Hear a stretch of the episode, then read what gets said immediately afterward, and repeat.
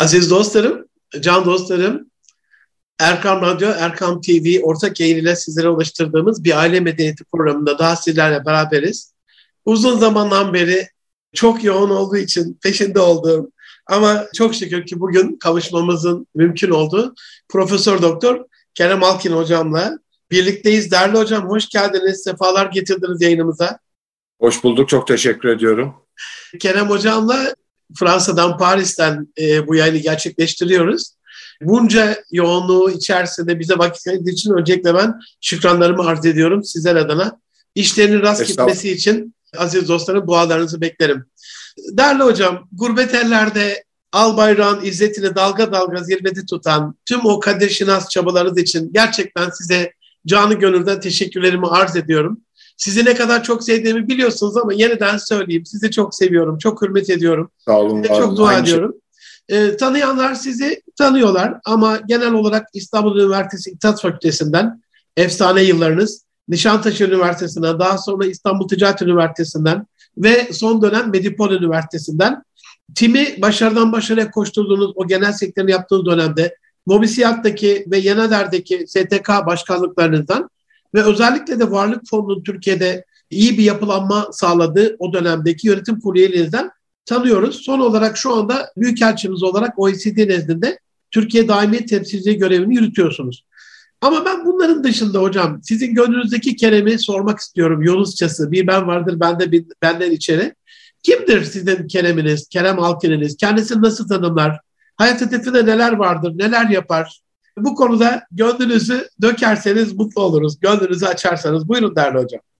Önce rahmetli annemi ve rahmetli babamı yad ederek söze başlamak istiyorum. Eyvallah. Allah gani gani Allah, rahmet eylesin. E, Allah tüm kaybettiğimiz e, sevdiklerimizin mekanını cennet eylesin. Eyvallah. Açıkçası söylemek gerekirse e, hem annem hem babam öncelikle insan olmayı ciddi manada aşılayan e, büyüklerimiz olarak bize hayatta çok önemli yol göstermişlerdir. E, ailemizin genel kültürü olarak baktığınızda, hayata genel bakışı olarak baktığınızda tüm insanlığı, tüm varlıkları, insanlığın da ötesinde Allah tarafından yaratılmış tüm canlıları kucaklamak, sevmek ve korumak bize aile olarak verilmiş en önemli terbiyedir. Adeta bir aile yadigarıdır. E, dolayısıyla kendimi ifade etmek istediğimde öncelikle gerçekten bu konuda çok özel hassasiyeti olan, etrafımdaki hiçbir canlıya, hiçbir varlığa bir zarar gelmemesi için bu affınıza sığınarak bir kütüphanenin e, bir kenar köşesi, bir kitap, bir eser sadece canlı varlıklar anlamında değil, Eyvallah. cansız varlıklar dahil olmak üzere yani etrafımızda var olan tüm e, cisimler ve değerler dahil olmak üzere her şeye karşı özel bir hassasiyet göstermek. Buna tasarruflu ve tutumlu olmayı. Eyvallah. Hayatta hayatı sakin yaşamayı, hayatla ilgili olarak özel iddialar içerisinde e, olmamayı, bu ve buna benzer e, belki yaklaşımları da ekleyebiliriz. Özür dileyerek e, bunları e, meziyet olarak anlatmanın da çok saygılı bir yaklaşım olduğu kanaatinde değilim. Estağfurullah e, hocam. Çünkü, çünkü yani bir kişinin affınıza sığınarak bunları sanki bir meziyetmiş e, yani e, hani bunları bir meziyetmiş gibi sanki değil de bir meziyetmiş gibi bahsetmesi de aslında o insanın bu tür kavramları özümseme konusunda hala kat etmesi gereken yolu olduğu e, anlamına gelebilir açıkçası söylemek gerekirse. Dolayısıyla e, özüne baktığınız zaman e, aslında e, insan olmayı önceliklendiren bir hayat tarzı olduğunu ifade etmem lazım. Buna biraz evvel ifade ettiğim gibi e, mümkün olduğu kadar israfa yol açan yaşamdan uzak durarak yine da, dünyada var olan kaynakları en dikkatli, en özenli şekilde e, kullanmak olarak da bir hayat felsefesi olarak da özetleyebiliriz. Eyvallah eksik olmayın. Bizatihi de buna şahit olan bir kardeşiniz olarak gıpta ediyorum. E, değerli hocam bahsetmeden olmaz tabii. Ben o sizin gönlünüzü açtıktan sonra sizin o gönül mimarlarınızdan illaki bahsedecektim zaten. Girizgahı yapmış oldunuz. Siz profesyonel hayatı, kariyeri ve başarı dışında, başarılı dışında aileden görme bir asilzadesiniz benim gözümde. Bunu estağfurullah falan demeyin lütfen. Hani bir İstanbul beyefendisi kavramını yaşatan bir şahsiyet olarak görüyorum ben. Onca üniversitede bulundum, onca sizler gibi değerli hocalarımla tanıştım. Ama sizin yeriniz başka.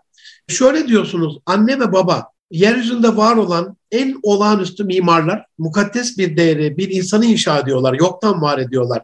Şefkatle, sevgiyle, müstesna bir kişilik kazandırıyorlar çocuklarına.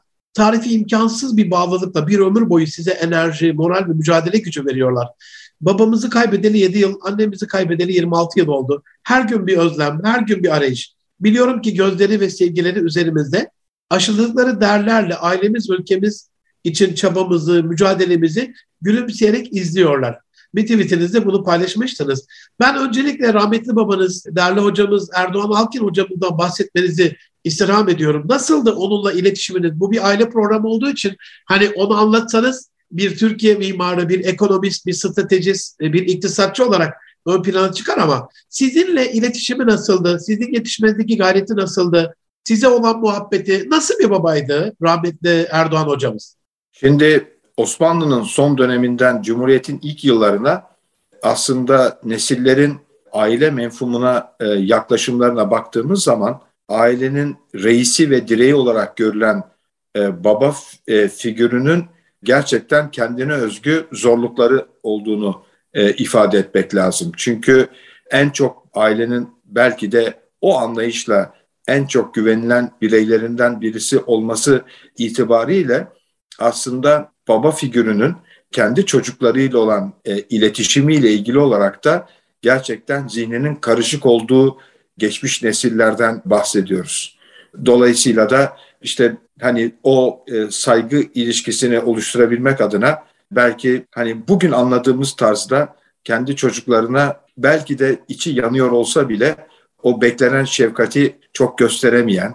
Fazla çünkü, yüz göz olmayan değil mi hocam o anlamda? Evet fazla yüz göz olmayan e, vesaire. Bunun genel manada bir yaklaşım e, olduğunu görüyoruz. Hemen hemen sadece bizde değil, dünyanın hemen hemen tüm ülkelerinde geçmiş nesillerde bu konuda çocuklarla iletişimde annelerin, babaların kendi büyüklerinden gördüklerinden hareketle bazı zorlukları var. Belki rahmetli babam ve rahmetli anne bir üst nesilden gördükleri bu formatı belki biraz daha e, değiştirebilmek konusunda bir çaba içerisinde olan ama her ne olursa olsun o çaba içerisinde belki geçmiş e, neslin kendilerine aşılamış olduğu kısmen işte dediğiniz yüz göz olmama, mesafeli olmayla daha güçlü bir iletişimi kurma arasında gidip gelen yani bocalayan demeyeyim e, o kelimeyi kullanmak istemem e, büyüklerimiz için ama belki zihinsel olarak gidip gelen e, bir nesil. Biz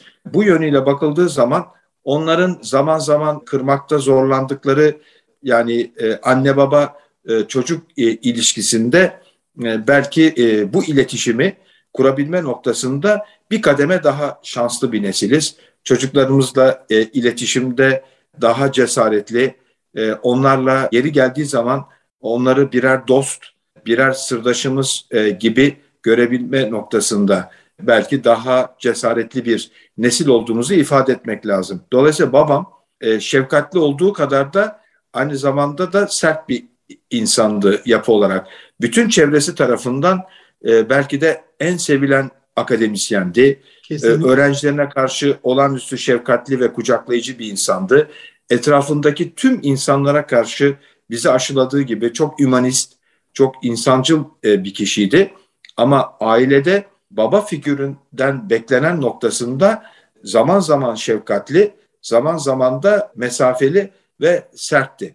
Yani biz e, dışarıda kuzu, evde aslansın baba falan diye e, böyle şey yapıyorduk, latife ediyorduk. Ama genel manada insani insani değerlere olan bağlılığı ve şefkatle ilgili öncelikleri itibariyle her zaman şefkatli e, bir babaydı.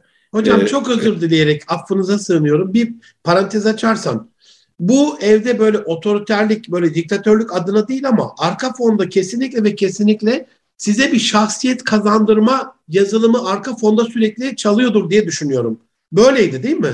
Evet yani çünkü günümüzde giderek nesiller ilerledikçe şöyle bir problemle karşı karşıyayız. Babamların olduğu nesil e, genel manada bir önceki nesilden gördüğü üzere kendi çocuklarına biraz daha ayakta kalma, e, bazı şeyleri kendi kendine çözebilme evet. noktasında. Bir örnekle izah edeyim. Lütfen. Ben üniversite öğrencisiyken hatta lise öğrencisiyken çok özel durumlar dışında annemle babamın okula gelip benle ilgili bir meseleyi çözmesi, hocalarla konuşması ve beni mesela aşırı kollayacak kadar gereksiz hassasiyetler göstermesinden ben hiç haz etmezdim.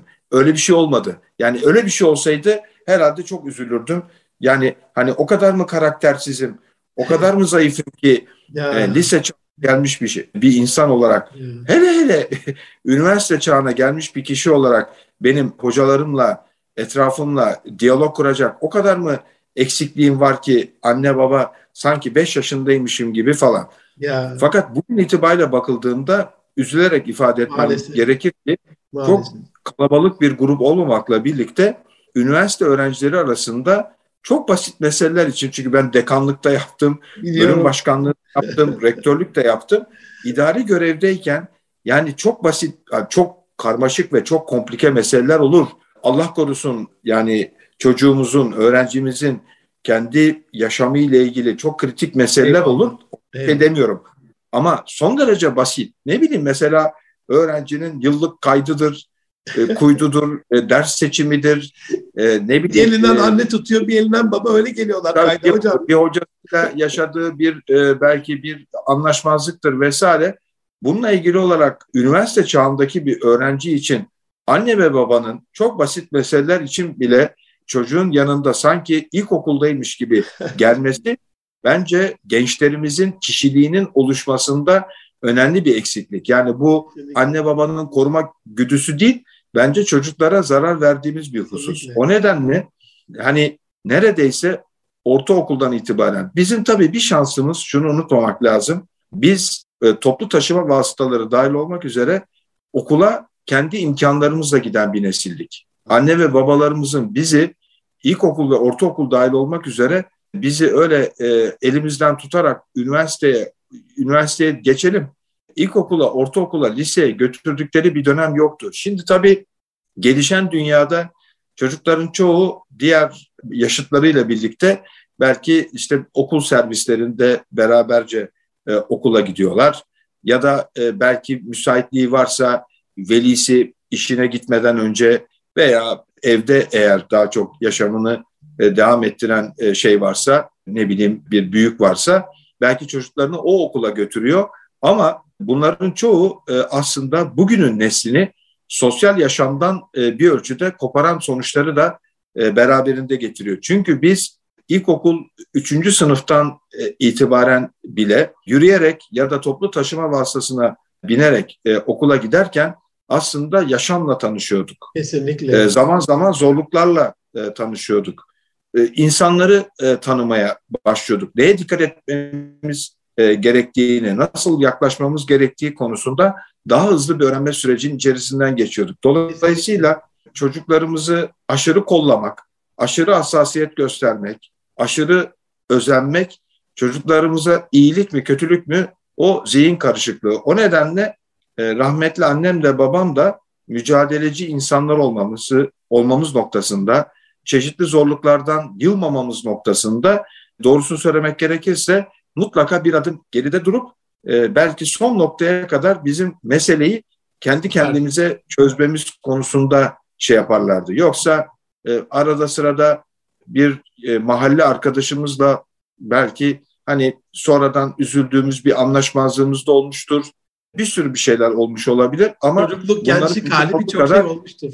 Elbette. Tabii mutlaka kendi kendimize çözmemize e, dikkat ediyorlardı. Yani Eyvallah. öyle hani senin çocuğun benim çocuğumu falan filan yani böyle böyle böyle konular konusunda çok dikkatli ve özenliydiler ama o zamanki arkadaşlarımızın çoğunun annesi babası aynı tarzdaydı. Çok fazla e, şeye girmezlerdi. Çocuklarını kendi sorunlarını kendileri çözmeye özendiren velilerdi. Hocam acizane ben buna yok edici korumacılık diyorum. Koruyorsunuz ama yok edici oluyor. O açıdan yapmamak gerekiyor. Kulağınızda böyle rahmetli Erdoğan hocamdan bir baba nasihatı, tavsiyesi hani böyle sürekli arka fonda duyarsınız o sesi. Ne diyor size şu anda o manevi ruhaniyetiyle? Mesleki olarak e, çok önemli bir sürü e, söylediği husus vardı. Yani mesela bir konuda eleştiride bulunacaksanız bile bunu en hassasiyetle, en dikkatle, en özenle, en şefkatle e, dile getirmek konusunda. Mesela diyelim ki bir öğrencisi babama bizim de şahit olduğumuz hususlar olması itibariyle mesela e, teorik olarak doğru olmayan bir husus söyledi. Asla ben babamdan ister bir öğrencisine ister bir meslektaşına e, belki teorik olarak veya e, kendi uzmanlık alanı itibariyle yanlış olduğu bilinen e, bir konuda yanlış söylüyorsun dediğini duymamıştım. O orada belki e, kişinin kendisinin de yanlış bir şey söylediğini sorgulamasına imkan vermek adına şunu evet. yapardı. İstiyorsanız konuya bir de şu açıdan bakalım derdi. Muhteşem. Yani bu şimdi mesela hani bu, bu ve buna benzer hassasiyetler belki günlük yaşamımızda biraz dikkatli olmamız gereken konular. Yani ne bileyim işte trafikte çok çabuk sinirlenmeler, bilmem evet. neler. Rahmetli babam hep şey derdi. Oğlum empati yapın. E, karşınızdaki insanın o andaki ruh halini her zaman göz önünde bulundurun. O anda size karşı yapmış olduğu o tür bir hareketin arkasında o anda yaşamakta olduğu bir duyguyla ilgili ya da onun öncesinde yaşamış olduğu bir süreçle ilgili bazı üzüntüleri, bazı kızgınlıkları olabilir. olabilir. Dolayısıyla lütfen meselelere empatiyle yaklaşın derdi. Aile meselelerinde ve dostluklarda ise en büyük uyarısı şuydu. Sakın ha derdi dedikodu yapmayın. Eyvallah. Ne büyük ee, annemle babamın en çok hassasiyet gösterdikleri ve en çok üzüldükleri, en çok kızdıkları konu dedikodu meselesiydi. Derlerdi ki lütfen ve lütfen asla asla kızdığınız birisi bile olsa asla lütfen kızmanızla ilgili bile dedikodu yapmayacaksınız. Evet. Asla dedikodu yapmayacaksınız. Asla ve asla birbirini seven iki insandan bir tanesini diğeriyle ilgili gördüğünüz bir yanlışlığı söylemeyeceksiniz. Çünkü e, e, sizi seven insan, o sizi seven insan ve o sevdiğiyle ilgili hassasiyeti olan insan, siz onunla ilgili eleştirel bir konu gündeme getirdiğiniz zaman sizi de sevdiğinden dolayı kendi içine otursa da kalbi kırılsa da size bir şey söyleyemez ama bu sonra dostlukların zedelenmesiyle ilgili sonuç verir. Dolayısıyla lütfen bir başka yani bir, bir kişi bir sevdiğiniz bir arkadaşınızın sevdiği bir kişiyi eleştirmeniz gerekse bile bunu mümkün olduğu kadar yapıcı ve yumuşak bir şekilde dile getirin. Karşınızdaki insanın kırılmasına, üzülmesine sebep olmayın. Eyvallah. Yani e, bu, bu konularla ilgili olarak e, yapabildikleri kadar e, bu duyguları bize aşılamaya gayret sarf ettiklerini söyleyebilirim. Allah kanı kanı rahmet eylesin. Ben de acizane hocam gıybeti hem iletişim virüsü olarak görüyorum hem de zaman virüsü olarak ikisini de öldürüyor. İnşallah uzak duralım.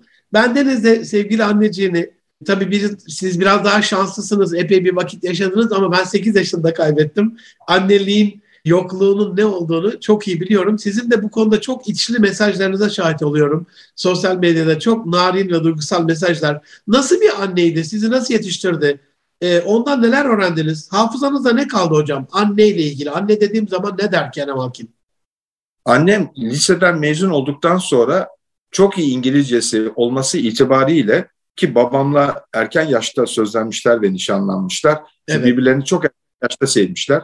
O zamanlar öyle. Yani şimdi bize oldukça erken gelebilecek e, yaşlarda insanlar e, birbirlerini görüp birbirlerine doğal olarak aşık oluyorlarmış ve daha çabuk aslında bir hayatı kurma konusunda adım atabiliyorlarmış. Ama şimdi yeni nesil açısından bu yaşlarda e, bunları e, düşünmemiz bile tuhaf e, gözüküyor, tuhaf karşılanıyor. Ama o, o zaman çünkü aşağı yukarı e, buradan neredeyse 65 yıl öncesini konuşuyoruz az buz değil.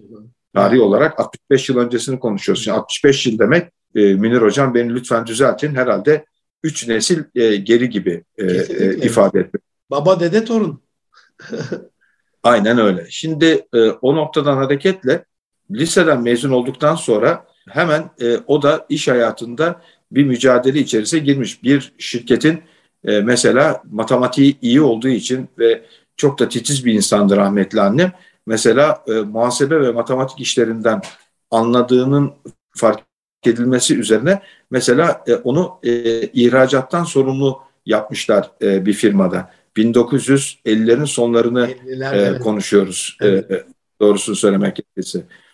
E, o yüzden e, hep hep bir mücadeleci e, yönü vardı ve çok üretkendi annem. Yani ben o zamanın Türkiye'si açısından e, baktığınızda, bugün Türkiye'si açısından bile baktığınızda yavaş yavaş belli imkanlar gündeme gelse bile hiç e, öyle e, dışarıdan e, bir şey alındığını falan hiç görmezdim. Yani o dönemin hanımefendileri Eyvallah. iş hayatında gerçekten yönetici olarak görev yapmaların yanı sıra ev hanımlığı konusunda da çok maharetli, çok titiz, çok temiz. Aynı zamanda da acayip mutfak virtüözü olan insanlardı. Yani puf böreğini, ne bileyim yapmış olduğu e, çeşitli yemekleri ondan sonra kapuskasından tutun şeye kadar yani çok farklı yani sulu yemek olsun, e, börek çeşitleri olsun, e, aklınıza gelebilecek pek çok şeydeki müthiş el becerisini, mutfak becerisini asla unutamam. O yüzden de hani böyle atıyorum mesela ne bileyim kayınvalidem yaptığında e, belki de biraz beni düşünerek bile yapıyor olabilir yani. Kayınvalidem yaptığında ya da ne bileyim e, kayınvalidem de 82 yaşında bu arada. Kayınvalidem yaptığında ya da bir yerde gördüğümde sağ olun amin diliyorum. E, dolayısıyla hani ne bileyim e, bir puf böreğiyle ne bileyim ya da rahmetli annemin yaptığı güzel bir yemekle e, karşılaştığımda tabii anılar müthiş e, duygusal olarak hemen kabarıyor. Çok şeyler hatırlıyorum. Ama e, genel manada dediğim gibi o da karakterimizin güçlü olması, çevresine karşı duyarlı insanlar olmamız noktasında çok e, emek e, sarf etti. Mesela babamdan çok daha fazla kitap okumamıza yönelik olarak müthiş bir şey vardı. O zamanlar hatırlarsınız Münir Hocam, varlık yayınları çok meşhurdu. Eyvallah. E, varlık, varlık yayınlarından e, yerli ve yabancı kitapların, eserlerin, yazarların okunması adına koca bir varlık serisini e, bize okutturmuş insandır. Süper. Babam Türk tarihine çok meraklıydı. Hı hı. E, annem de Türk tarihiyle ilgili çok hassastı. Bu, ne, bu nedenle e, Orta Asya'dan Anadolu'ya gelişimiz, e, bunlar evde konuşulurdu. Bununla ilgili çok kitaplar vardı. E, dolayısıyla Türklük menfumu, Türklerin tarihi bu konularda da e, aile içerisinde çok sohbetlerimiz e, olan, bu konuda çok fikir olarak e, bizi aşıladıkları, Türk olmanın ne olduğu ve dolayısıyla da yani dünyada bir Türk olmanın sorumlulukları e, duruşuyla ilgili olarak o o meziyetler işte Muhteşem. o o duruşlarla ilgili olarak çok çok önemli e, değerler aşılamaya gayret ettiklerini e, ifade edebilirim. Eyvallah yabancı, hocam. Yabancı dil konusunda da çok e, teşvik ederlerdi. Süper. E, dolayısıyla o, o konuda da çok emek verdiler. Çok kısacık bir muhabbet olsun. Hürmetsizlik kabul etmeyin lütfen. Ben sözünüzü hiç bölmek istemiyorum. Annem rahmetli akşam saat enstitüsündeydi. E, o dönemin hanımefendileri biliyorsunuz hocam. Ben de aynı dönemi söylüyorum size 50'li 60'lı yıllar. Çok maharetlilerdi. Yani ev yönetim sisteminde, yemek pişirmede, ikramda, misafirperverlikte, evde birilerini ağırlamakta. Muhteşem Kesinlikle. kek yapardı. Eşim Çerkes. Ben de sürekli Semahatuna söylüyorum. Annemin kekleri, annemin kekleri, annem rahmetlinin kekleri. Bir gün kafaya takmış bulalım diye o tarifi, o şeyi. Hocam hayat mecmuası vardı malumunuz. Hatırlamaz olur O dönemleri nadir kitaptan o dönemleri tahminen bir 3-4 yılın mecmualarını bulup inceleye inceleye inceleye kek kalıbına varıncaya kadar o ince uzun her şeyi bulduk.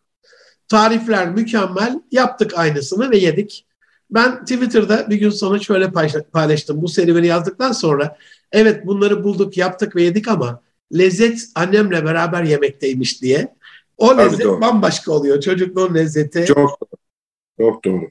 Eyvallah. Hocam siz biraz da e, mobil bir çocukluğunuz. Çocukluğunuzda e, babanızın, annemizin, annenizin görevleri dolayısıyla sürekli yurt içi, yurt dışı. Nasıldı çocukluğunuzda e, bu aile ortamı ve sizin hayatınız? Babam Türkiye'nin tanınmış bir ekonomisti, bir iktisatçısı Eyvallah. olarak hayatı tabii yoğun yaşıyordu. Ee, annem bizlerin doğmasıyla birlikte, benim doğmamla birlikte ben Emre Hoca'nın abisiyim. Aramızda 4 yaş fark var. Ben 1965 evet. doğumluyum. Emre Hoca 1969 doğumlu. Dolayısıyla e, benim doğmamla birlikte annem o zamanın koşulları içerisinde tabii e, iş hayatından çekilmiş. Başarılı bir profesyonel çalışma e, dönemi sonrasında iş hayatından çekilmiş ve tamamıyla evine ve bize kendini e, adamış. E, babam da tanınmış bir akademisyen olarak çok sık seyahat ederdi. Hocam e, çok fakat... özür diliyorum. Bunu izninizi istiyorum. İstemesem olmaz. Emre hocam derken ben gönlümde şu var. Sizinle alakalı kardeşinizle ilgili dünya görüşleri muhalif ama gönülleri bir iki kardeş görmek isteyen baksın diye bunu söylemeden geçemedim yani. Üslubunuzla, nezaketinizle, tartışırken bile koruduğunuz o asaletinizle ne güzel, ne büyük bahtiyarlık yani. Özür dilerim böldüğüm için. Buyurun değerli hocam. Yo Emre Hoca'yla zaman zaman ekonomiye yaklaşım konusunda görüş ayrılıklarımız söz konusu olsa dahi konu vatan sevgisi ve vatan hassasiyeti olduğunda e, ya da işte herkese e, insani olarak yaklaşmak söz konusu olduğunda orada her zaman bir ve beraberiz. Kesinlikle. E, onunla ilgili en büyük espriyi de iktisat bilimine yaptığı en büyük katkılarla bilinen Joe Maynard Keynes yapmıştır espri olarak. Der ki bir salonda iki iktisatçı varsa iki ayrı görüş vardır. Onlardan birisi ben Joe Maynard Keynes'e üç ayrı görüş vardır. Yani kendimle bile çalışabilecek kadar farklı görüşlerim olabilir şeklinde. Dolayısıyla bizim iktisadın kendi alanında böyle bir şey var. Annem bize ve eve kendini vakfetmişken ve e, gerçekten etraflarındaki tüm başarılı hanımlarla birlikte e, çocukları iyi yetiştirme, memlekete hayırlı evlatlar olarak yetiştirme. Bu çok önemli bir kavramdı o zaman üzerinde durulan. Ülkesine, memleketine, milletine hayırlı evlat yetiştirme çok üzerinde hassasiyetle durulan bir kavram ve ifadeydi. O çaba içerisindelerken e, babam sevilen ve tanınan bir iktisatçı olması nedeniyle memleketin her karesinde, her köşesinde ve yurt dışında çok sık seyahati olan bir kişiydi. 70'lerde Türkiye-Japonya ilişkilerinin gelişme gösterdiği dönemde e, mesela Türk-Japonya ekonomik ilişkilerine katkıda bulunmak amacıyla oluşturulan heyetler ve karşılıklı üniversite ziyaretleri için daha o zamanlar oralara gitmek çok kolay değilken oralara gitmiş, Amerika Birleşik Devletleri'ne e, gitmiş, e, dünyanın çok değişik ülkelerine mesela çok erken tarihlerde 80'lerde 80'lerin sonları mıydı hatırlamaya çalışıyorum. Güney Kore'ye bile gittiğini, Türkiye ile Güney Kore arasında e, ta Kore Savaşı'na dayanan çok büyük çok büyük dostluklara, kardeşliklere dayanan o ilişki çerçevesinde iki ülke arasındaki ekonomik gelişmeleri ilerletmek adına hep oralara giden kişiydi. Yine rahmetli Turgut Özal 90'ların sonlarında Sovyetler Birliği dağılır ve bugünkü Orta Asya Türk Cumhuriyetleri ortaya çıkarken Türkiye-Azerbaycan ilişkilerinin bir an önce hız kazanması adına mesela e, yine babam e, rahmetli bir heyetle birlikte görevlendirilmişti ve bir ay Bakü'de kaldılar. Ama Bakü'ye o zaman doğrudan uçuş yoktu. Önce Moskova'ya uçtular, Moskova'dan e, Bakü'ye uçtular ve bu söz konusu anıları ömrü boyunca unutmadığı gibi biz heyecanla onun gelip o seyahatlerdeki izlenimlerini bize anlatmasını heyecanla beklerdik. Çünkü o zamanlar e, dünya bu kadar mobilite, bu kadar hareketlilik kazanmamıştı. Dolayısıyla da bizim için önemliydi. Kesinlikle. E, tabii zengin bir aile değildik. Sonuçta babam e, üniversite hoca maaşıyla evi geçindiren e, bir insandı. E, bu nedenle ben 65 doğumlu olsam bile rahmetli babam e, bütün aileyi ilk defa yurt dışına e, götürecek takati, gücü 1982 yılında e, bulabildi. Biz ilk defa e, babamla birlikte 1982 yılında yurt dışını gördük. E, bize e, Paris ve Londra. Tabii doğal olarak çok mütevazi otellerde kaldık ve dolayısıyla da bizim açımızdan asla unutulması mümkün olmayan bir seyahatti. Ama sonra e, imkanlar el verdikçe Eyvallah. kendisiyle hem annemle hem babamla e, yurt dışında şey, şeylerimiz oldu, seyahatlerimiz oldu ve o seyahatlerde birlikte gezilen müzelerden, birlikte paylaşılan e, yemeklerden, e, bize kendi dönemleriyle ilgili anlattıkları anılardan tabii e, çok önemli çok önemli birikimler oldu bizde. Eyvallah. Hayat dersi Peki, olmuştur kesinlikle. E, şimdi rahmetli babam ekonometri ve istatistik konusunda e, oldukça başarılı bir akademisyen ve Hollanda Kraliyet Akademisi bu başarısı çerçevesinde kendisine zannedersem 3 ya da 4 yıllığına olmak üzere Hollanda Kraliyet Akademisi ekonometri doktora programında e, okumak üzere bir e, burs veriyor. E, babam da bu bursa annemle birlikte e, gidiyor. Bir e, doktora sonrası önemli bir e, çalışma olarak. Bu arada annemle babam arasında mektup yazışmalarını hala hatır olarak saklıyoruz. Babam zaman zaman e, annemsiz dönemlerde e, bunalıyor ve galiba bu doktora çalışmalarını tamamlayamayacağım diyor. Annem e, benim tanıdığım Erdoğan, benim eşim e, bunları başaracak insandır. Bunları başaracağına kanaatim kanaatim yüksektir vesaire. O kendi aralarındaki Süper. bütün o aşka rağmen yine o dönemin o neslin üslubu çerçevesinde o son derece nazik ve dikkatli yazışmalar Kesinlikle. yani şimdiki sosyal medya paylaşımlarındaki e, e, dili dikkate aldığımızda böyle bir şeyle ayrı bir ayrı bir aşkla ayrı bir heyecanla o Eyvallah. mektuplardaki üsluba e, baktığımızı ifade etmek lazım. Sonra beraber Hollanda'ya gidiyorlar. Hollanda'da 3-4 yıl çok çok sınırlı imkanlarla, olağanüstü sınırlı imkanlarla çok başarılı bir çalışma yürütüyor babam ve gittiği kişi de o dönemde dünyanın tanıdığı en önemli ekonometri ve istatistik hocalarından Hollandalı Profesör Doktor Tim Bergen. Eyvallah. Ee, çok önemli bir isim. Ee, Tim Bergen'in önemli bir özelliği daha var. Bugünkü Devlet Planlama Teşkilatı'nın yani Türkiye'nin planlamasına çok çok büyük katkılar yapmış. Sonra adı Kalkınma Bakanlığı olarak değişti.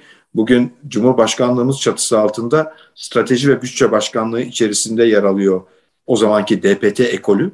Dolayısıyla DPT'nin kurulmasında aslında önemli fikirsel katkıları olan e, elektrik işleri etüt idaresinin içerisinde bir kadronun oluşmasında büyük katkıları olan ve rahmetli Özal'la rahmetli Demirel'e aynı zamanda bir bakıma onlarla birlikte çalışmış bir adam Profesör Tim Bergen. Türkiye için de önemli bir isim. Kesinlikle. E, dolayısıyla da onun uhdesinde, onun çatısı altında, e, onun akademik hocalığı altında babam önemli bir ekonometri ve istatistik çalışması yürütüyor ve o tecrübeleriyle gelip sonra İstanbul Üniversitesi İktisat Fakültesi'nde akademisyenliğe kaldığı yerden devam ediyor. O yüzden de Hollanda'daki o beraberce verdikleri mücadeleyi hep anlatırlardı.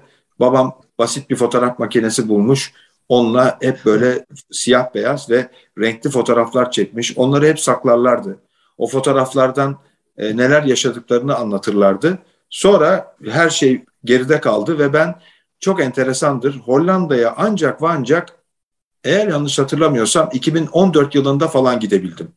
2014 yılında gittiğimde yani otomatik refleks olarak Amsterdam'a gittik ama e, bizimkiler Kraliyet Akademisi'nin olduğu yer itibariyle e, başkentelermiş.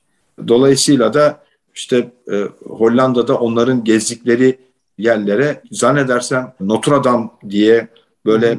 küçük bir kentin yeniden oluşturulduğu efendime söyleyeyim orada işte e, ne bileyim e, itfaiye araçları, küçük uçaklar, havalimanı yani böyle bir belki işte Hollanda'nın e, başkenti belki böyle öyle bir e, ortamın oluşturulduğu bir e, şey gözünüzde canlandırın. Annemle babamın anısına mesela yaşım pek müsait olmamasına rağmen koca adam olmuşum ama yine de gözümden ufak e, pınarlar e, gittim Eyvallah. oraları e, ziyaret ettim ve hep onları andım. Dolayısıyla böyle bir e, mücadeleydi Eyvallah. o. Eyvallah. Değerli hocam bir aile programı malumunuz. Siz bu anlattıklarınız çerçevesinde çocukluğunuzdaki aile yapımızla bugünü karşılaştırdığınızda neleri eksik buluyorsunuz? Neleri kaybettik sizce? O eskimez, eskimeyen eskile, eskimezlerimiz, lezzetlerimiz nelerde? Neyin eksikliğini hissediyorsunuz çocukluktaki Türkiye ile bugüne baktığınızda? Şimdi aslında açık ve net söyleyeyim hala ve hala şanslı bir ülkeyiz. Eyvallah. Hala ve hala şanslı bir ülkeyiz. Çünkü yurt dışındaki görev tecrübelerimizin bize öğretmiş olduğu en önemli detaylardan bir tanesi aile değerleri, aile menfumu e, bu hususlarda hala gerçekten çok kuvvetli değerleri ne diyeyim sarmalayan, çok önemli değerleri sahip çıkan e, bir ülke olduğumuzu, bir toplum olduğumuzu e, ifade etmem lazım. Elhamdülillah. Fakat bununla birlikte bizim dönemimize göre bence baş edilmesi en zor meselelerden bir tanesi internet çağı ve bu internet çağı nedeniyle yeni neslin doğal olarak e, internet aracılığıyla bizim dönemimizdekinden çok daha geniş bir dünya ile sürekli iletişim içerisinde olmaları. Bu iletişimden doğaldır ki iyi şeyler e, çıkacağı gibi ne yazık ki kötü şeyler çıkması olasılığı ve maalesef gerçeği olabiliyor. Yani bazen olasılıkların ötesinde olaylarla karşı karşıya İletişim, kalabiliyoruz. Etkileşimi de getiriyor çünkü değerli hocam. Aynen öyle, aynen öyle. Dolayısıyla e, günümüzde belki e, iletişim, iletişimdeki bu olağanüstü değişim, işte bu yeni medya denilen kavramlar vesaire, bunlar ister istemez aile ilişkilerini de etkiliyor. Eskiden takdir edersiniz ki yani bütün bu bizi dünyaya bağlayan cihazların olmadığı dönemde aile arasında sohbet ve aile arasında günlük meseleler, dünya meseleleri, memleket meselelerini konuşmak, tartışmak, analiz etmek bunlar hayatın e, vazgeçilmez parçasıydı ve önemli alışkanlıklardı. Ama günümüzde ne bileyim aynı aile ortamında bile şimdi birkaç sene öncesine göre karşılaştırıyorum. Bayram yemeğinde bir an oluyor mesela şöyle bir geriye doğru bakıyorum mesela herkes elindeki cep telefonuyla e, daha fazla ilgilenir Maalesef. hale e, gelmiş. Bu iletişim yeni iletişim çağına aile değerleriyle birlikte, ailenin önemiyle birlikte nasıl adapte olmamız gerektiği hususu çok önemli bir mesele. Açıkçası söylemek gerekirse çok içim parçalanıyor. Dünyanın birçok gelişmiş ülkesinde çok sayıda yaşlı insanı yaşamını idame ettirmek adına çok yalnız yaşıyor görüyoruz. Yurt dışında e, görevlere gittiğimizde ve şey olduğumuzda Eyvallah. etrafımızı gözlemleme imkanımız olduğunda. Türkiye bu açıdan bakıldığında aile değerleri açısından ailenin üyelerinin birbirine sahip çıkması, özellikle büyüklerine sahip çıkması noktasında yine ender şanslı bu bu tür değerlerin hala çok kuvvetli olduğu e, bir ülke. E, ama bunları biraz aşılamamız gerekiyor. Şeye bakıyorum işte mevcut televizyonlarda yayınlanmakta olan dizilerde toplumun bütününe acaba doğru mesajları verebiliyor muyuz? Belki dizilerin senaristleri ve dizileri organize eden endüstri e, belki de işte yanlış olduğu düşünülen konuları göstermeye çalışıyor. Fakat bunları gösterirken bu dizilerde kullanılan dil ve senaryoların yazılma metodolojisi acaba topluma bunların ne kadar ters şeyler olduğunu mu gösteriyor ya da özendiriyor mu? Orada gördüğüm kadarıyla zihinsel bir kargaşa var. Çok önemli ee, bir noktaya değindiniz hocam. Eksik olmayın. Eyvallah. Ama şimdi tabii şimdi tabii günümüzün yeni medya çağında e, neticede bu bu medya alanından da ciddi manada geçimini sağlayan çok geniş bir e, kesim var ve dolayısıyla ne ilgi çekiyorsa onu gerçekleştirme anlamında da bir özel hassasiyet söz konusu. Çok kolay olmadığını ifade etmem lazım. Bu mesele oldukça karmaşık bir mesele ve dolayısıyla çok hassas olmamız gereken bir mesele. Eyvallah yeni hocam. Nesle, evet. Yeni nesle mümkün olduğu kadar günümüzde en çok takip ettikleri iletişim alanları üzerinden yine ulaşmak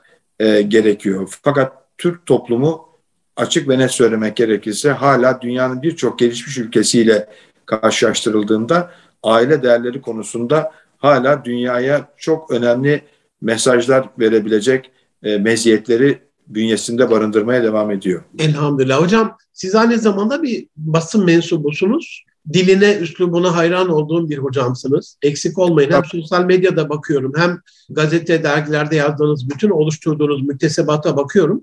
Bu konuda hani bir basın mensubu olarak basının, medyanın bu tavrını eleştirmeniz benim için çok değerli. Bir izninizle bir örnek vermek istiyorum. Amerika'nın bu trilyon dolarlık şirketleri isimlerini zikretmeyelim birkaç tanesi. Üç yıldan beri bir program başlattılar. Çalışanlar, çalışanlar hanımefendilere diyorlar ki çocuk sahibi olmayın. Bunun 20 bin dolarlık yumurtaları dondurma maliyeti var. Biz bunu katlanacağız. Emekli olduktan sonra. Ya bu bir soykırım hocam. Bizim Türkiye'de en az 8-10 tane gazete küpürlerini saklıyorum sizinle paylaşırım. Amerika'da kadınlara yumurtaları dondurma şansı diye verdi bunun haberini. İnsanı soykırıma uğratan bir şey şans olamaz ki. Yani 70 yaşında çocuk sahibi olmak kadın için bir şans değil ki yani. Medyanın bu dili de dediğiniz gibi teşvik mi ediyor yoksa bir kötüyü ortaya mı koyuyor? Çok hassas bir denge var. Tespitiniz çok önemli. Çok teşekkür ediyorum. Burada tabii Münir Hocam kritik olan konu Birleşmiş Milletler başta olmak üzere çeşitli uluslararası kuruluşlar üzerinden bu söylediğiniz meselelerle ilgili olarak insanlık adına yapılmakta olan uyarıları yeni nesillere çok daha yoğun bir şekilde ulaştırabilme çabalarımızı e, arttırmamız e, şartı. Kesinlikle. Ben bunu, ben bunu son dönemde yazılarımda mümkün olduğu kadar yapmaya eksik çalışıyorum. Olmayın. Eyvallah. Böyle Böyle yap- eksik olmayın. Eyvallah. Yapmaya çalışıyorum. Yani şimdi zannediliyor ki mesela belki Birleşmiş Milletler veya çeşitli kuruluşlar bu biraz evvel belirttiğiniz hususlarla ilgili olarak bir görmemezlik içinde hiç öyle değil. E, tam tersine burada bu ba- bahsettiğiniz hususlarla ilgili olarak çok ciddi manada Birleşmiş Milletler'in insani değerleri, aile değerlerini korumak, geliştirmek, ilerlemek noktasında olağanüstü önemli uyarıları söz konusu. E, Bir e, dolayısıyla da bu kurumlar tarafından yani dünyaca bilinen uluslararası kurumlar tarafından işte aile menfumu, çocuk menfumu, efendime söyleyeyim e, toplumsal değerlerle ilgili konularda e, getirilen getirilen görüşler, bu konuda dünyanın neyin mücadelesini vermesi gerektiği konusundaki hassasiyetleri aşılamaya devam etmemiz gerekiyor. Eyvallah. Hocam çok vaktinizi aldım. Kıyamıyorum ama iki soru sormama izin verin. Onunla bitirelim. E, nedir mutlu evliliğin sırrı?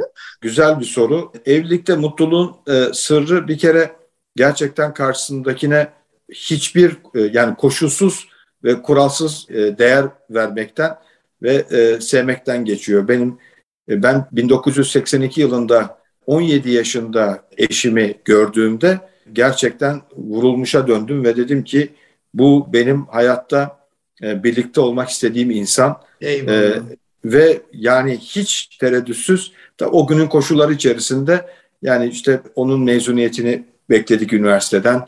Ben üniversitede göreve başladım vesaire.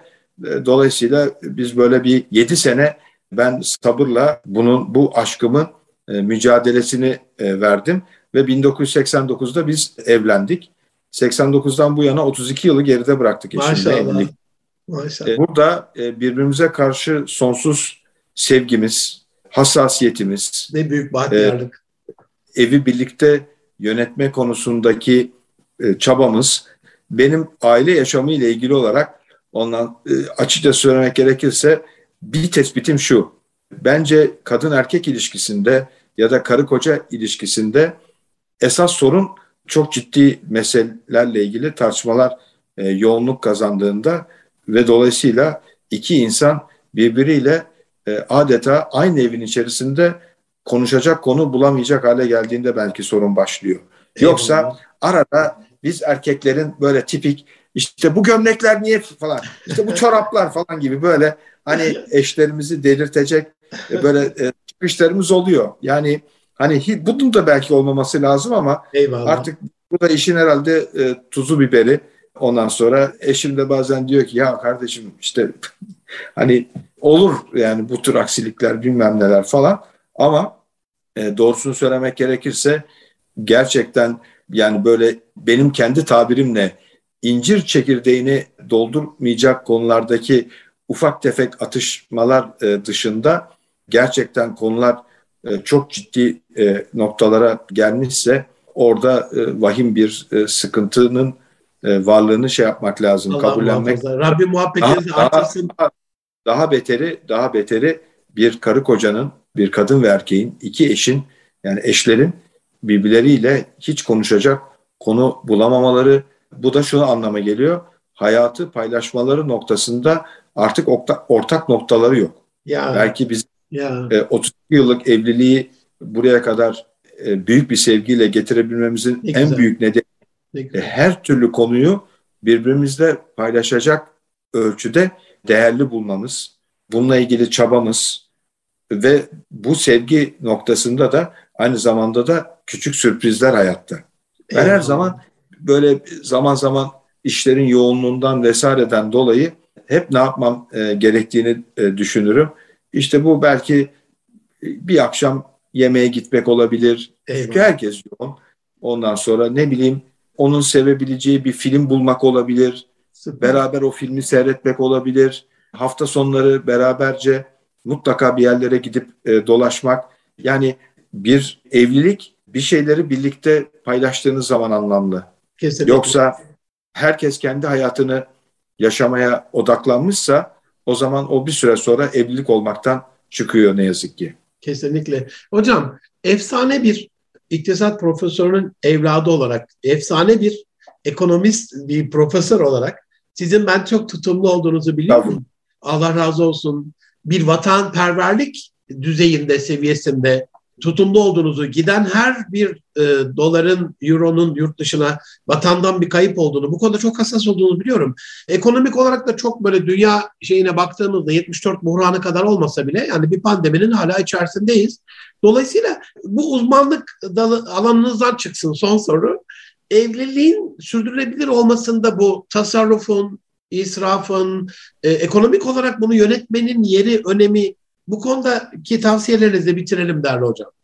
Valla bunun çok vazgeçilmez bir husus olduğunu ifade etmek istiyorum. Süper, süper. Çünkü evliliklerin zaman zaman sona ermesinde veya evliliklerin bunalıma düşmesinde aile ekonomisini beraberce iyi yönetememenin bir taraftan bir tarafın bazen çok israfkar olmasının çok büyük etkisi e, olduğu kanaatindeyim. Birinci önemli kural. Hepimiz hayata çok zengin bir aileden, mali durumu, varlığı çok iyi bir aileden gelmiyor isek, hepimiz zaten e, genç insanlar olarak bizim zamanımızda biz ben eşimle 24 yaşında evlendik biz. Bugünkü nesil doğal olarak bunu biraz daha ileriki şeydi. Tabii genç yaşta evlenenler de var. 25, 26, Eyvallah. 30, 30'dan sonra evlenenler de var. Sonuçta insanın kendi ruh eşini e, bütün bir hayatı birlikte paylaşacağı çok kıymetli insanı ne zaman bulmasıyla alakalı bir konu. Bu konuda da yaşa bağlı olarak da telaş etmemek lazım. Çünkü doğru ruh eşini e, bulamamanın ızdırabı da aceleden e, yanlış kararlar almak da sonradan gerçekten bir evliliği Kesinlikle. hakikaten yaşanılmaz kılabiliyor. Bu temel gerçekten hareketle gerçekten ailede her iki tarafında eşlerin bir karı kocanın tasarruf ve tutumlu olma noktasında aynı hassasiyet içerisinde olması lazım. Ben eşime bu konuda ömrüm boyunca medyumumdur. Ömrüm boyunca Eyvallah, minnettarım. Eksik olmasın. E, çünkü bunlara son derece dikkat eden hatta ben örnek olarak söylüyorum belki kendisini bazen e, sevindireceğim umuduyla gereğinden fazla harcama yaptığım zaman buna kızan her zaman dikkatli olmamız gerektiğini hep hatırlatan bir insanla e, evliyim. Çünkü bazen erkekler doğal olarak eşlerini evet. memnun etmek adına evet. e, biraz böyle daha ciddi e, bir takım harcamalar yapmak istiyorlar. Diyor ki işte bütün bir ömrü benimle paylaşıyor vesaire. E, bu konularda bile e, her zaman dikkatlidir ve özenlidir. Bunları hep ailenin daha geniş bir kesiminin birlikte mutlu olacağı, birlikte keyif alacağı anlar için hep saklayalım der.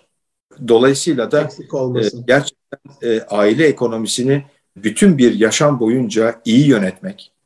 Bizim mesela hayatta en çok dikkat ettiğimiz konu, son bir nokta olarak Münir Hocam, en çok dikkat ettiğimiz konu yaşamımızda görevlerimiz itibariyle gö görevlerimiz itibariyle hep değişik bazen biraz daha yüksek bir gelir bazen biraz daha düşük bir gelirimiz olabiliyor. Ömrümüzün hiçbir döneminde gelirimizin artışına dayalı olarak hayat tarzımızı e, değiştirme ile ilgili. Yani böyle falanca mahalledeki falanca daireye girelim. E, ona hayır öyle bir şey olmadı. Yani ben baktım. Benim e, ben e, yaşam standardı belli o seviyeyi korumak ne kadar tabii, büyük, büyük büyük bir erdem. Belli bir standartta. Mesela bir öğrencim gelmişti bir gün üniversitede dedi ki ya hocam dedi siz iyi kötü oralarda işte buralarda görev yapan bir adamsınız. Dedi ki sizin dedi niye BMW arabanız yok? Siz niye hani çünkü ona göre hani şey benim ben Renault kullanıyorum. Ben uzun Hocam BMW arabanız yok ne kelime. Siz eski model kapaklı telefon kullanıyorsunuz yani ve çift kapağı var. Bu vatan emaneti. Bunu ben düşürürsem kırmam, kıramam. Kırma hakkım yok diyorsunuz yani. Doğrusunuz. Eksik olmayın. Estağfurullah. Şimdi şöyle bir şey oldu.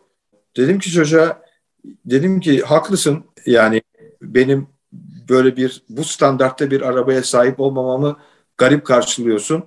Garip karşılıyor olabilirsin ama dedim şunu unutma. İnsan dedim insan hayatını mutlaka neyi efort edebiliyorsa, neyi sürdürülebilir kılıyorsa ona göre yaşamak durumunda. Eyvallah. Dedim or, işte kendimi dağıttım, ezdim, büzdüm. Bu standartta bir arabayı aldım. Ama bu standartta bir arabayı aldıktan sonra bunun taksitlerini ödedin, ödemedin. Efendim 10 bin kilometre bakımı geldi. Ya. 10 bin kilometre bakımı geldiğinde e, benim önüme bir fatura geldi ki benim bunu effort etmeme, ödememe imkan yok veya kalbime iniyor. Yani dolayısıyla dedim ki e, sonuçta bir yerden bir yere götüren bir araca ihtiyaç var. Dolayısıyla Eyvallah. hayatı sürdürülebilir kılmak ne düzeydeyse yani Ver. oturduğun ev ona göre olacak, ödediğin kira buna göre olacak, araba buna göre olacak. Çünkü bir evliliği sürdürülebilir kılan, bir, bir evliliği kutsallaştıran iki, iki insan arasında, bir kadınla bir erkek arasında evliliği aslında sürdürülebilir kılan genel manada aslında o evlilikle ilgili yaşam standartını da sürdürülebilir kılmaktan geçiyor. Yani Eyvallah. karı koca beraberce makul, insani bir yaşamı idame ettirecek bir hayatı birlikte oluşturabiliyorsan, bir bir imkanı birlikte oluşturuyorsan o zaman e, bu iş yürüyor. Yoksa ne büyük bahtiyarlık. Daha iddialı yaşayacağım diye o sürdürülebilirliği zedeleyecek hatalı kararlar çok acıdır ki birçok örnek görüyoruz maalesef e, dünyada, Türkiye'de evlilikte o onu sürdürülebilir olmaktan çıkarmak sonra ne acıdır ki belki birbirini seven iki insanın evliliklerinin sona ermesiyle bile sonuçlanabiliyor. O yüzden Kesinlikle. bence bence yaşamı sürdürülebilir kılmak aynı zamanda güzel bir evlilik, sevgi dolu bir evliliği de sürdürmek anlamına geliyor. Eyvallah. Hocam sorularım bitti ama genç bir arkadaşınızdan bahsettiniz, bir öğrencinizden. Şimdi Avrupa'da dünyayı görmüş, şu anda da e, OECD daimi temsilcimiz olarak Paris'te, Fransa'dasınız. Gençlerin geleceğe hazırlanmaları adına birkaç küçük tavsiyeniz, geleceğin temel yetkinlikleri, kendilerini nasıl geliştirsinler? Küçük bir e, hocalarından bir tavsiyeyle bitirelim. Söz bu son. Estağfurullah. Yani dünyayı okumalarında e, sonsuz yarar olduğunu ifade et. Gözlemlediğim en önemli konu genç genç nesilden dünyanın önde gelen uluslararası kuruluşlarında çeşitli çeşitli mevkilere, çeşitli görevlere çok fazla soyulan e, gencimiz yok. Oysa bizim çok daha fazla gencimizin bu e, bu tür e, uluslararası kuruluşlarda görev alması lazım ve dolayısıyla da e, gençlerimizin meziyetlerini dünyaya daha fazla gösterebiliyor olmamız lazım. Burada biraz daha gençlerimizi yurt dışında e, bu tür uluslararası kurumlarda görev almaya e, özendirmemiz gerekiyor. Bunun için biz de çok çabalıyoruz. E, çeşitli uluslararası eyvallah. kuruluşlardan e, yeni görev fırsatları çıktığında bunlara bakıyoruz. Dünyayı doğru okumak, dünyanın şu anda mücadele etmiş olduğu risklerle ilgili olarak bir farkındalık içinde olmak, Türkiye'nin kendi coğrafyasında Avrasya'nın oyun kurucu e, bir ülkesi olarak bu küresel ve bölgesel meselelerde çözüm üreten bir e, ülke olduğu gerçeğiyle Türkiye'nin bu çözüm üretme kabiliyetinde görev alacak şekilde kendini yetiştirmeye devam etmek, yabancı dil konusunda e, kendini yetiştirmeye Kesinlikle. devam etmek, mesleğinde alanında uzmanlaşmaya e, çaba sarf etmek çok önemli. Eyvallah. Çok çok teşekkür ediyorum. Yenge Hanım'dan da hakkının helalini diliyorum. Onu ona ait bir vakitten almış olduk ama geçmişlerinize rahmet olsun değerli hocam. Yetiştiren, üzerinizde emeği olan hocalarınıza, yaşayanlara sağlık, saat, afiyet diliyorum. Size üstün başarılar diliyorum. Dualarımız sizinle. Gurbet elde al bayrağın o Kadir Şinas hatırı uğruna mücadeleniz çok çok önemli. Bir emriniz olursa bekleriz. Çok istifade ettim. İnanılmaz güzel bir programdı. En derin hürmetlerimi arz ediyorum. İnşallah yine bir başka programda görüşmek üzere hocam. Tüm sevdiklerimize ve e, bizi seyredenlere saygılarımı ve sevgilerimi ifade ediyorum. Bütün güzel vatanımıza çok sevgilerimizi, çok gönül sevdamızı sizin aracılığınızla aktarıyorum. Eyvallah eksik olmayın. Aziz dostlarım, Erkam TV, Erkam Radyo ortak yayınıyla sizler oluşturduğumuz bir aile medeniyeti programının daha sonundayız. OECD daimi temsilcimiz Profesör Doktor Kerem Alkın hocamla beraberdi. Kendisine sizler adına minnetlerimi, şükranlarımı sunuyorum. Gelecek hafta bir başka konu, bir başka konuyla görüşmek üzere. Hoşçakalın efendim.